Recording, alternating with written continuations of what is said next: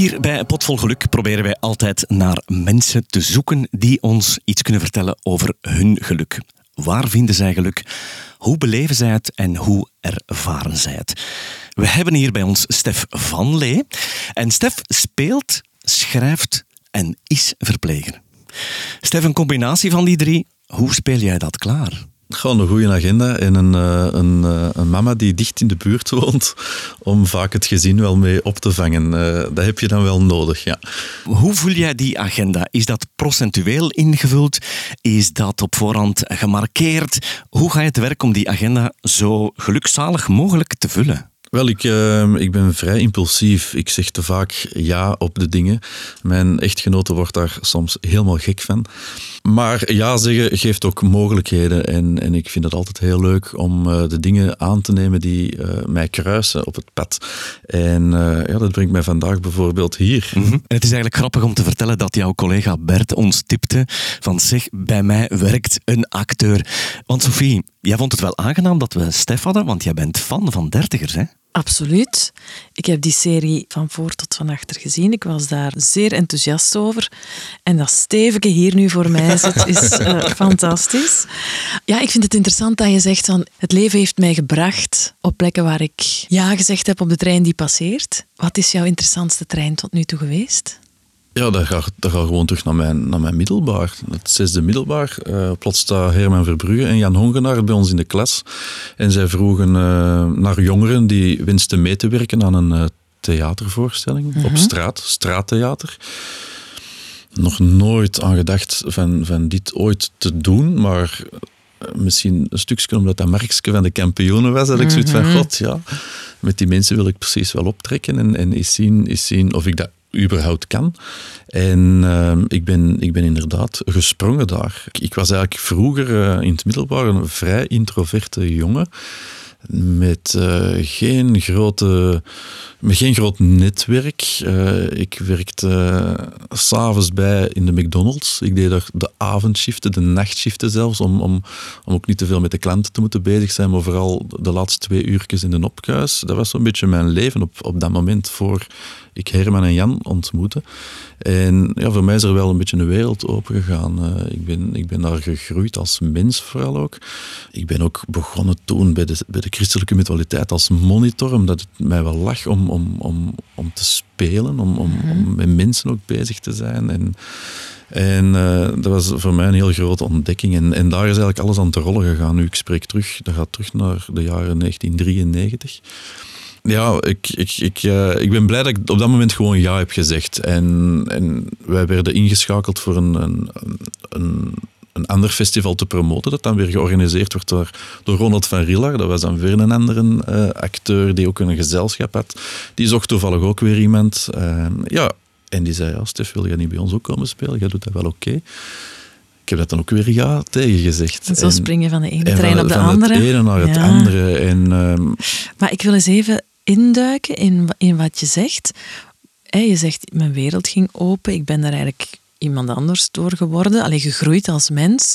Je wordt daar socialer door. Hoe, hoe komt dat precies, denk je? Wat heeft jou dan getriggerd of wat zet die deuren dan open? Ik denk dat, dat je soms gewoon een, een duw nodig hebt. Ja. Mensen staan vaak gebalanceerd in het leven. Uh, en dat is veilig. Hè? Want als je op een koord staat en je staat er stevig op, dat is goed. Dat is veilig, want ik val daar niet af. Maar soms is er toch eens een duw nodig om, om een andere kijk te krijgen, denk ik, van, van het leven. Wat, wat heeft het leven soms te bieden? Meer dan, dan die veilige omgeving waar dat je jezelf in genesteld hebt, denk ik soms. Mm -hmm. En mensen moeten durven springen. -hmm. uh, en dat gaat niet alleen over uh, uitgedacht worden om op theater te staan. Hè. Nee, een, een boekhouder kan misschien ook een duw nodig hebben om in het weekend met een bloemist te werken. En blijkt, blijkt dat hij plots dan toch zijn groene vingers ontdekt in plaats van alleen maar met cijfertjes bezig te zijn. Maar wat zorgt dan voor jouw push? Is dat dan andere mensen die jou inspireren en die jou naar een ander of nieuwer level brengen? Ja, dat klopt. Dat is een beetje gelijk een computerspelletje. En wat je zegt klopt. Hè. Een andere level. En mijn leven kreeg ook een andere level op dat moment. En, en als je die level hebt doorgespeeld, ja, dan komen er misschien weer andere mogelijkheden. En kom je weer andere mensen ook tegen die jou ook weer... Uh, ja, uitdagen of, of uh, die een duw geven. Hè. Mhm.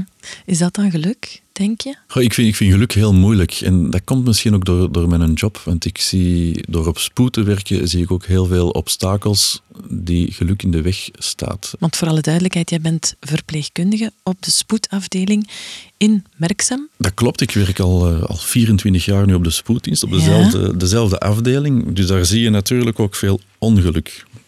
Ja, uh, het geluk. letterlijk en figuurlijk, denk ik. Ja, ik vind, ik vind geluk is een, is een, is een, is een, heeft voor mij duidelijk twee betekenissen. Hè. Geluk, dat gaat over goed voelen. Ik ben, mm -hmm. ik ben opgewekt en wel. Mm -hmm. Maar geluk is voor mij ook, en dat zie ik dan vaak op het werk, met een auto ergens inrijden en daar gewoon kunnen uitstappen. Dat is ook geluk. Ik vind dat jij dat mooi verwoordt, want daar hebben wij het vaak ook over in deze podcast. We hebben het altijd over geluk. En inderdaad, voor ons zijn er ook twee verschillende momenten. Het andere is een chanske hebben eigenlijk. En het, het, het, het ene is het creëren, het bewerkstelligen. Maar ik heb toch nog een vraag over wat jij zegt, want ik begrijp volledig wanneer jij zegt mensen moeten durven springen. Maar in onze praktijk horen wij vaak dat er de angst voor om het niet te doen groter is dan de vreugde om het wel te doen. Hoe ga jij ermee om? En het slecht jou geen windeieren, dat is duidelijk. Maar welke tips kunnen wij meegeven aan diegenen die eigenlijk bijna nooit durven springen? Wel, ik, uh, ik doe het wel beredeneerd op een of andere manier. Ah. Toch wel, ja. Dus uh, die, die een duw, ja, dat, dat zit mij in de val. En tijdens ik val denk ik van hoe moet ik op mijn pootjes terechtkomen? En dan begin ik na te denken hoe, hoe ga ik het hier aanpakken? En, en, en het moment dat ik dan inderdaad land, ja, is er al wel een proces ook uh, voorbij gegaan van, van dingen te bedenken toch en te beredeneren. Dus het is, het is, het is niet zo zomaar, oké, okay, je hebt een duw nodig en, en, en dan rolt het ook allemaal verder. Nee, je hebt, je hebt zelf ook wel inbreng in, in, in dat traject. De duw alleen is niet voldoende. Je hebt zelf echt wel heel veel in handen. Wil dat zeggen dat je geluk dan ook in handen hebt, toekoor? Ik geloof daar wel in dat geluk niet vanzelfsprekend is. Maar, even terugkoppelen naar waar we daar juist begonnen over te spreken. Je werkt op de spoed, waarin dat je zegt van, hier staat het ongeluk ook wel constant voor mijn ogen. Dat klopt. En voor mezelf, ik heb, ik heb nog niet de pech gehad. Hè. Dat is het tegengestelde van geluk. Ik heb nog niet de pech gehad van, van de dingen te moeten meemaken wat ik soms zie. Ik, ik heb zelf ook drie kinderen. Ik zie, ik zie op spoed kinderen sterven. Ja, dat zijn mensen die, die volgens mij ook niet altijd of, niet meer gelukkig kunnen zijn zelfs. Ja, je maakt soms dingen mee in het leven die, die echt wel geluk in de weg staat. En om, om daar dan mee om te gaan, dat is toch wel een straffe, vind ik. Zeg. Dat vraag ik mij soms af. Die spoedmedewerkers, jullie zitten daar in het oog van de naald, in, in het, het meest kritieke moment van iemands leven. Jullie gaan dan oplappen, proberen te redden wat er nog te redden valt. En dan moeten jullie dat uit handen geven. Jullie merken toch nooit de opvolging? Of weten jullie hoe het afloopt soms met mensen? Nee, dat klopt. Daar moeten we zelf achter zoeken. En dat is net, uh, wat je net vermeldt, is wel heel, heel frappant. Want dat is hoe ik mijn job eigenlijk beschrijf. Mm -hmm. Het is zeer boeiend om verpleegkundige te zijn omdat we net mensen ontmoeten in hun meest kwetsbare moment van hun leven mm -hmm. en daar iets voor kunnen betekenen of meer nog het verschil kunnen maken, ja, dat, maakt, dat maakt het zeer waardevol wat wij doen als verpleegkundigen. Niet alleen op spoed, op elke afdeling, eender waar. Hoe het verder gaat met de mensen, dat vragen we ons wel eens vaak af. Ja, ik speel theater ook met Rudy Klaes en dat was voor mij een beetje een wake-up call toen ik die man ontmoette ook. Die kwam ineens voor mij zitten met een elektrische rolstoel. Ik ben zelden daarvoor met, met zulke mensen in gesprek gegaan. En op dat moment wel. En dan, dan merk je dat die man een ongeval heeft gehad. Over kop is gegaan met heel zijn gezin met de wagen. Vrouw en kinderen gelukkig niet gewond. Maar het impact uh, van, van het voertuig ten opzichte van een duiker uh, onder een brug... Mm. Uh, was net ter hoogte waar hij zat en zijn nek gebroken. Dus plots is die man verlamd. Wij zijn op spoed altijd heel te, tevreden als wij mensen, zulke mensen uit een wrak halen en als we die met bloeddruk en pols hebben afgeleverd op een dienst, dan hebben wij onze job goed gedaan, zeggen wij altijd. Mm -hmm. Maar dat die man nadien 16 maanden in een ziekenhuis Mhm. heeft gelegen, heeft moeten revalideren, met ocharme krachtoefeningen moeten doen met, met 30 gram. Ja, Ja, dat is dat, wat is dat? Dat zijn zes schalkjes uh, hespenworst misschien, ik weet Ja, dat niet. ja. Ja, daar, daar staan wij niet bij stil dat die man uiteindelijk zeven jaar later uh, ja, scheidt van zijn echtgenoten, omdat het een, meer een zorgrelatie was en geen, geen liefdesrelatie meer. Dat die, dat die kinderen een papa hebben plots die ze moeten eten geven, moeten helpen met een jas aandoen. Uh, ja, daar staan wij als hulpverleners dan niet bij stil. Nee, want op dat moment hebben jullie een medische, wetenschappelijke functie. Je voert die uit, maar dat menselijke aspect ja, waar, dat komt daar eigenlijk veel te weinig aan bod. Wellicht. of niet aan bod? Dat komt te weinig aan bod. Dat komt zeker wel aan bod. Uh, momenten dat we tijd voor hebben, dan, dan, neem ik die ook met twee handen. Want ik vind het ook heel fijn om, om dan echt in connectie te gaan met de mensen. En niet alleen de patiënt te zien, maar ook de mens. En ook heel bewust mm, eh, een beetje parallel met het boek. Ehm, ik heb het boek geschreven, 112 verhalen, uh, vanuit mijn visie. Mhm. Mijn ideeën, uh, hoe dat wij de zaak hebben opgelost, hoe dat wij de dingen behandeld hebben. Maar ik vond het ook heel, heel interessant om ook nog eens de mensen terug te horen die ik beschreven heb in mijn boek. En zo heb ik uh, een reeks gemaakt, een podcastreeks, van twaalf afleveringen waar ik terug op zoek ging naar de mens achter het verhaal, de persoon, de patiënt, de nabestaande of de betrokkenen. En dat was fantastisch. Het was heel leuk om die mensen terug te zien en, en hun kant van het verhaal te mhm. horen ook. En uh, ja, dat, dat, dat, dat, gaf, dat gaf mij een heel warm en geluk, gelukkig gevoel. Daar, daar werd ik gezegd gelukkig van. Ja. ja. Kunnen we het even hebben over die verhalen? Want ik vermoed dat daar heel veel verschillende verhalen in staan. Wat is bijvoorbeeld voor jou het, het meest leuke verhaal dat erin staat? Het is, dat is een heel, een heel moeilijke vraag. Ik heb eerst een Excel-bestand gemaakt om 112 eh, titels. 120 eigenlijk, om, om dan hier en daar ook eens te kunnen schrappen.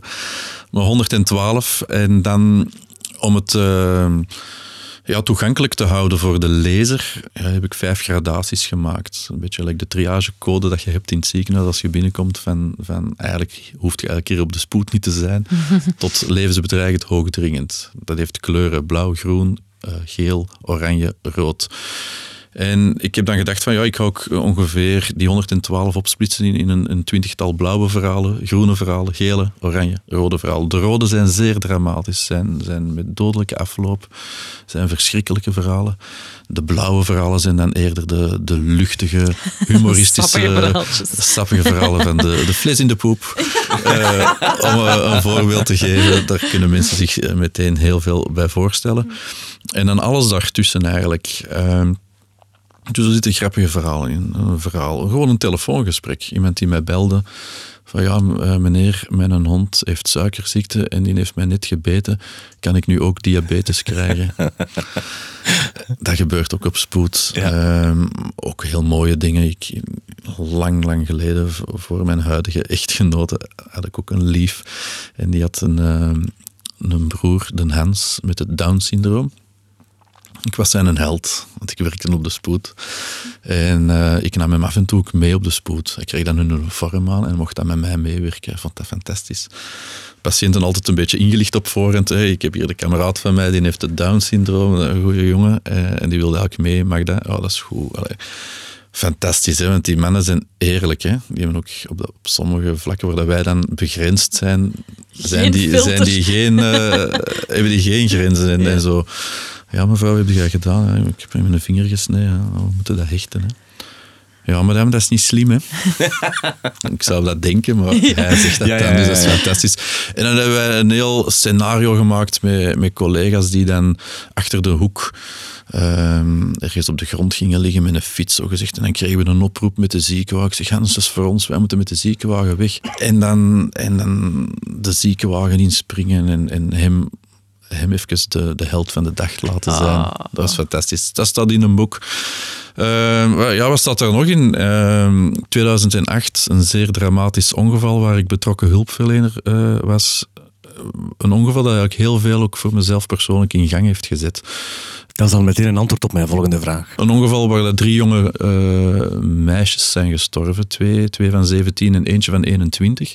En die van 21 was de chauffeur van de wagen. En dat was, bleek dan ook nog eens de grote zus te zijn van een van de meisjes achterin. Dus plotseling, uh, in plaats van dat die, die twee meisjes thuiskomen, staat daar een agent aan de deur om te zeggen dat hun twee enige kinderen gestorven zijn. Dat is, uh, ja. dat is een zot ongeval geweest. Een, een heel dom ongeval ook. Dat had heel makkelijk voorkomen kunnen worden door een foute keuze te maken. Een hele nacht door uh, gefeest jonge mensen die luisteren, blijf vooral veel feesten en doen. Mhm. Maar zorg dat je altijd veilig thuis komt. Zij was eigenlijk te moe om terug te rijden van Gent naar Rotterdam, waar ze oh. woonde. En dan bij ons binnen de sector, tussen Schoten en Sint-Job, is zij gewoon in slaap gevallen en tegen een brugpijler gereden. Aan, aan ook geen overdreven snelheid. Je mag 120 rijden, dat deed ze ook. Op slag dood. En dat heeft mij toen ook wel getriggerd van, van een, een, te gaan spreken in scholen rond weekendongevallen. En van daaruit is ook nog de theatervoorstelling Fractie van een Seconde uh, mm uit voorgevloeid. Dus dat is een, een, ongeval dat mij ja, nou aan het hart ligt. En, uh, om, om, om, omdat het zo oneerlijk is vaak. Kan je daar iets betekenen? Tijdens zo'n schoolvoorstellingen? Heb je het gevoel dat je jongeren kan bereiken? Wij, wij, wij geloven heel hard bij fractie van een seconde dat er één grote oorzaak is van al die ellende. En, en dat kunnen we wel doortrekken in, in, in, niet alleen in verkeer, maar ook in andere dingen. Uh, en dat is een, een, gedenks, eh, een gedachte, een gedachte. En dat is, het zal mij wel niet overkomen.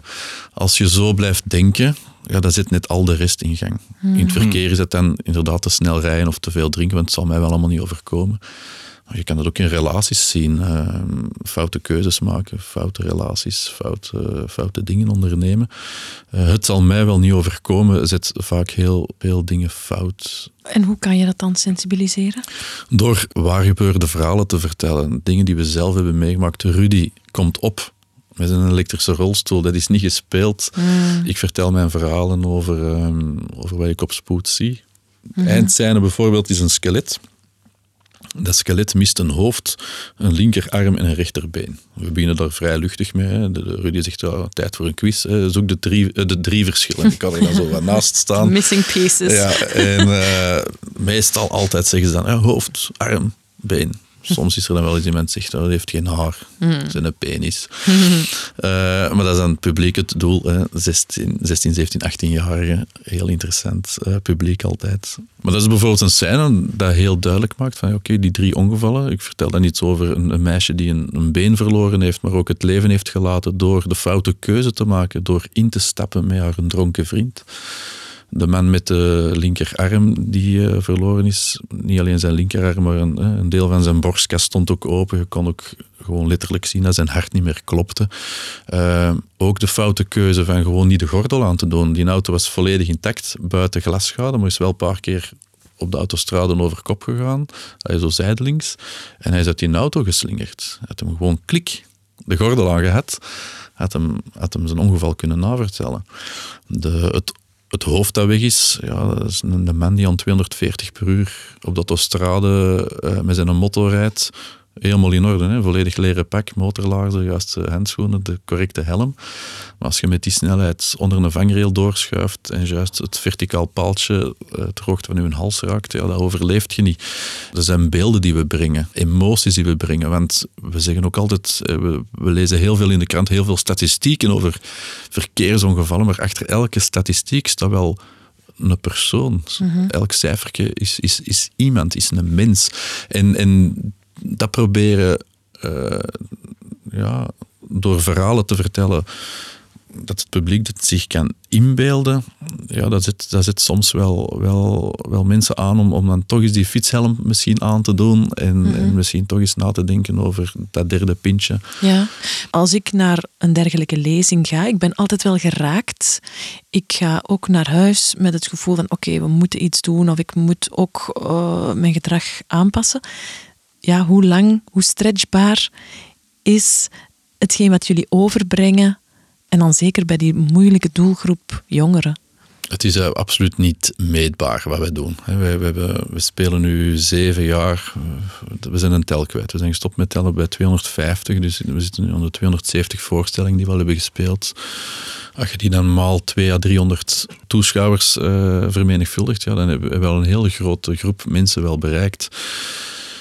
Zijn er ondertussen al mensen die een zwaar ongeval hebben gehad, door dan toch die foute keuze te maken? Waarschijnlijk wel. Maar wij zeggen altijd, en daar zijn we ook heel nuchter in, als we van die 200, 300 mensen die voor ons zitten, al is het maar één persoon overtuigen om, om vanaf dan juiste keuzes te maken, dan hebben we al heel veel gedaan. Ik weet niet, rijd jij met de fiets, Sophie? Zelden. Zelden. Heb je geen fietshelm op? Nee. Ah, wel, ik kan u vertellen dat mensen sterven. Ik weet het. Om, omdat ze geen fietshelm dragen. Dat, dat, zeggen we ook in de, in de voorstelling. En dat gaat niet over, ik draag mijn fietshelm en ik word uh, aangereden door een vrachtwagen, ik sta recht en ik ga verder met het leven. Nee, die mensen sterven even goed. Maar het gaat dan vooral over die, die kleine stomme ongevallen, een dorpel missen, uitschuiven met de fiets. Dat zijn de mensen die, die sterven. En ja, ik, ik kan dat dan wel vertellen. Ik vertel dat nu ook aan u. Dus ik hoop dat jij nu vanaf nu altijd een fietshelm draagt, want je bent nu wel gewaarschuwd. Uh Ja, zie, en dat is dan voor mij niet genoeg om mijn gedrag te veranderen. Dat is erg, hè? Dat is heel erg voor ja, u persoonlijk ja. natuurlijk. Het, het geeft ook dan weer mogelijkheden voor mensen die op een long of op een hart wachten. Ja. Stel dat we vandaag een foto nemen, een momentopname. Je hebt de podcast gemaakt, je hebt het boek geschreven, je hebt een fractie van een seconde. In welke mate heeft jou dat geluk bijgebracht? Het feit dat ik iets doe en niet aan de kant blijf staan, is voor mij al een, een reden om, om, om, om mij daar gelukkig om te voelen. Want je ziet inderdaad heel veel verschrikkelijke, verschrikkelijke dingen. En hoe ga je daarmee om? Je kan daar kwaad van worden, je kan daar emotioneel van worden, je kan daar je rug naar keren. Maar ik word daar gelukkig van om met die materie iets te doen, om, om dat positief te verhalen in inderdaad een boek, een theatervoorstelling of een, of een podcast. In de hoop dat, dat er toch sommigen zijn die, die daardoor uh, even naar zichzelf kijken en, en, en ja, dingen beslissen waardoor ze alleen maar beter van worden. Ja, wat ook mij heel gelukkig maakt, omdat we nu zeven jaar bezig zijn. Ik krijg nu wel meldingen van, van scholieren die onlangs nog iemand die, die mij schreef van ik heb de voorstelling fractie van een seconde gezien. Ik ben naar huis gegaan. Ik heb tegen mijn mama en papa gezegd ik ga verpleegkunde studeren. En ik werk nu op de spoed van Aalst. Wauw. dat is toch fantastisch. Ja, dan maakt het effectief een verschil. Hè? Dat, is al, dat is meetbaar wel dan. Ja. Waar, waar ben je het meest fier op? Uh, die dingen bijvoorbeeld. En, en dat, zijn, dat zijn geen grootste dingen. Hè. Ik, ik heb liever één iemand die mij zegt van... Uh, uh, sinds dat ik de voorstelling heb gezien, leg ik mijn gsm met bluetooth in de koffer. En ik rij zo verder. En met mijn, met mijn handfree kan ik nog altijd wel bellen. Maar ik word niet meer afgeleid door de, de jingles en de channels van Facebook of Snapchat of ik weet niet wat. Ah, wel, daar word ik nu gelukkig van. Iemand als Sophie nu zelf zegt van, van ah, wel, ik ga vanaf nu mijn fietshelm dragen. Daar word ik gelukkig van, Sophie. uh, ja, dat maakt, laten weten. dat maakt me gewoon heel, heel blij. Uh, als, je, als je voor iemand anders iets betekent daar word ik wel gelukkig van. Ja. Ik wou nog even terugkomen op wat je daar straks zei. Er zijn verschillende factoren nodig om geluk te ervaren. Ik wil uiteraard weten welke factoren dat voor jou zijn. Ja, dat is heel, heel globaal dan en heel cliché misschien. Je moet, uh, je moet al geluk hebben in, in welk nest word je geboren. Wat is je sociaal netwerk? Heb je, heb je middelen? want je moet ook middelen hebben om soms gelukkig te zijn, denk ik. Je moet ook de dingen kunnen zien. Dat is dan heel persoonlijk natuurlijk. Maar niet iedereen heeft het geluk om, om in een warm nest geboren te worden. Niet iedereen heeft het geluk om geluk te ervaren. Mhm. Soms als kind krijg je er al een deel mee van, van je ouders, denk ik. Ik heb het geluk gehad om, om, om geboren te zijn in een gezin waar, waar we de dingen konden doen die we, die we wilden doen. Ja, wat zijn die factoren allemaal? Heel cliché misschien ook. Hè? Financiële zorgen kan in de weg staan, gezondheid kan in de weg staan. Uh, dat zijn toch wel factoren die, die meespelen vaak, denk ik. Ja. Maar toch zei je daar straks dat er een soort van evenwicht nodig is tussen enerzijds het duwtje dat je krijgt. Je moet het dan ook willen, durven, kunnen en mogen zien. Maar er hoort toch nog ook een eigen initiatief bij. Het voorbeeld dat je daar straks gaf, je podcast was af en die is nu groot geworden omdat jij het initiatief nam om naar, dat, naar de media te stappen daarmee. Dus ik wil aangeven dat evenwicht is toch voor iedereen anders ook. Dat, dat, is zeker waar. En het is, het is, dat is ook niet evident, denk ik. Want we spreken nu over een, een theaterstuk maken en een boek schrijven. Maar je kunt niet verwachten dat iedereen theater maakt of een, of een, of een boek schrijft. En, en ik ben ook heel, soms zelfs soms jaloers zelfs van mensen die het geluk vinden bij een boom knuffelen bijvoorbeeld. okay. Je lacht er nu mee, maar ik heb dat onlangs eens zelf gedaan en dat was wel best oké. een boom knuffelen. Ja, ik heb het ook al gedaan, maar ik heb mijn geluk er nog niet doorgevonden. Ja, ik ben, het is niet dat ik, daar, dat ik daar ineens van in de lucht sprong en, en, en, en, en wauw. Maar ik zeg het tussen die, die een duw krijgen en op je voeten landen, er zit inderdaad een rek tussen. En, en, en, ofwel is die heel kort, ofwel heel lang. En dat, dat, dat, is net het proces waar dat je inderdaad zelf initiatieven moet nemen. Door, door, ofwel doet het alleen, of, of, of inderdaad spreekt je mensen aan om je daarin te begeleiden of in te helpen. Maar ik, ik denk geluk vanzelf komen, dat is toch wel een hele moeilijke, denk ik. Er hoort wat actie bij. Hè? En wat we nu even kort door de bocht vergeten, dat is dat mensen wel eens door de knieën gaan. Dus je kan een actie ondernemen en op je bek gaan. Dat, is wat, wat ik ervaar. Mensen zeggen soms, ja, alles wat je aanraakt wordt goud. En dan zeg ik, ja, maar je ziet alleen de dingen die goud geworden zijn. De mhm. andere zaken die van tafel geveegd zijn, die zien jullie niet. Mm dat is ook zo. Je, kunt, je, je kan in dertigers meespelen en dan zeggen ze, wauw, dat is, dat is, dat is plezant. Ja, ik heb wel twintig audities ervoor gedaan voor mm. veel andere dingen. En daar, uh, daar zeggen ze altijd nee. Uh, ja, dat is ja, ook zo. Ja, en dat horen we te weinig, hè, die mijn, dingen. Mijn boek ook, die is, die is uitgebracht. En ik ben, ook, ik ben ook heel blij en fier over het resultaat. Maar ik heb wel van drie of vier andere uitgeverijen eerst een nee gekregen. Mm. Voilà. Wat mij wel altijd sterker maakt, een nee. Op een of andere manier, als iemand tegen mij nee zegt, dan zeg ik van wel, dan ga ik zien dat dat gaat lukken en je gaat iets zien, het gaat beter worden dan dat ik het bij u heb voorgesteld. En hier ben ik nu net geïnteresseerd in. Welke kracht of welke kwaliteit heb jij nodig om op dat moment, of een dag later of een week later, te zeggen, ik ga het toch doen, ik ga mij er niet laten doorkisten. Daar zit voor mij een groot geheim voor de mensen die wel slagen en mensen die het na één faling al opgeven. Ik denk dat dat met wilskracht te maken heeft. Uh, uh, iets willen bereiken. En zeker als je een, een idee, alles begint bij een idee. Uh, en dan, dan is het echt wel aan u om, om dat idee uit te werken. Ook weer alleen of met mensen waar dat je in laat begeleiden. Maar uh, bij de pakken blijven zitten gaat er nooit iets veranderen natuurlijk. En, en dat heeft een stuk met geluk ook te maken, denk ik. Als alle factoren meezitten dan weer. Hè? Ja, waar een wil is, is een weg. Hè? Daar geloof ik heel sterk Ik ook. En ik denk dat dat geluk in de hand kan werken. Ja, en, en ook, ook wel de, de rugzak die je sowieso draagt. Dat is ook weer zo cliché. Hè? Mensen hebben een rugzak. Ja. Uh, hoe zwaar is die? Want een zware rugzak ja, als je dan een berg gaat beklimmen, dat gaat iets langer duren dat je de top bereikt dan, dan dat je een, een rugzakje bij hebt waar een half liter water in zit en een, een, een, en bokens. En, een boken. uh, je gaat sneller die een top bereiken dan. Dus eh, dat is ook, weer, dat is ook dan weer een factor. Hè? Ja, ja, maar het maakt het niet onhaalbaar of onmogelijk. Als een rugzak zwaarder is, zal de tocht moeizamer gaan, maar niet onmogelijk dat denk ik ook niet. En, en ik denk dat je dan, als je een zware rugzak hebt, en er zijn vele mensen die een zware rugzak hebben, zorg dat je je laat omringen door mensen die je heel graag ziet en die zullen heel graag een stukje van die rugzak meedragen. Dat is zoiets wat ik ook altijd zeg bij mensen die, die moeten omgaan met verlies. Omring je nu op dit moment met mensen die je graag ziet en zij zullen een stukje van je verdriet meedragen. En dat is, dat is met alles zo, denk ik. Je moet ook niet alles alleen kunnen.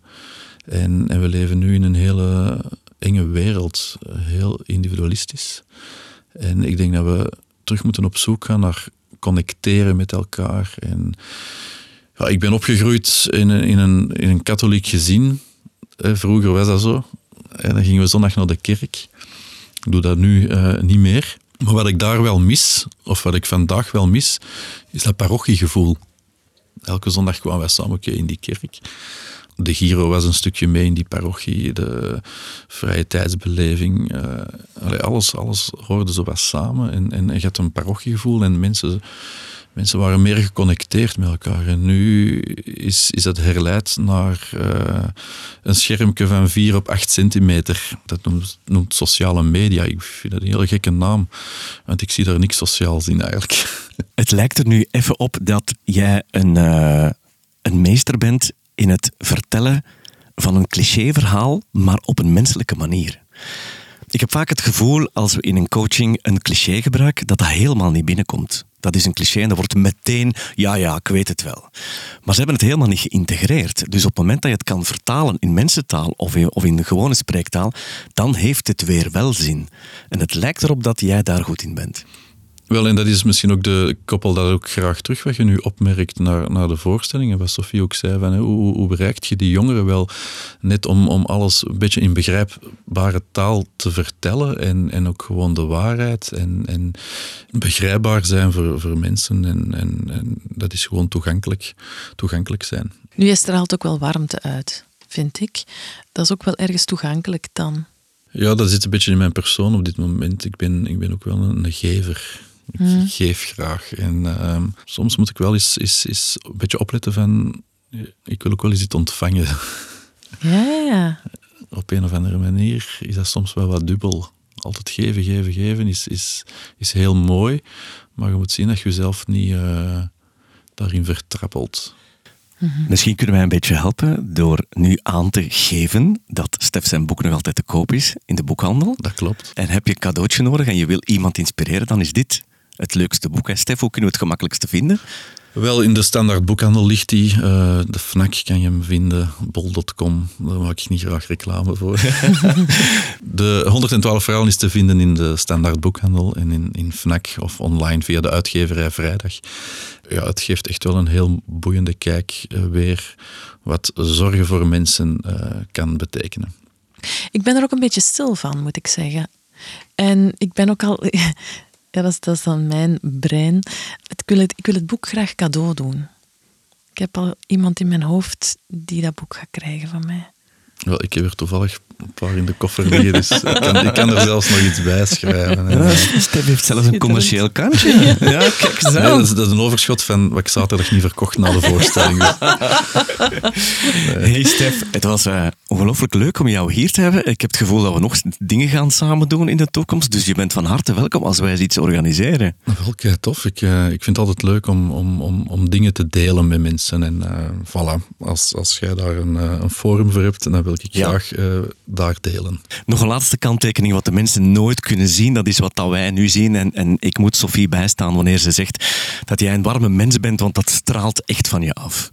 Je hebt dan ook nog een aangename stem, dus... Uh... Wel, het feit dat jullie dat uh, mij zeggen, dan wil ik dat ook geloven. En dat maakt me dan ook weer gelukkig. Ah, en daarmee is de cirkel rond. Dank je wel, Stef. Jullie bedankt.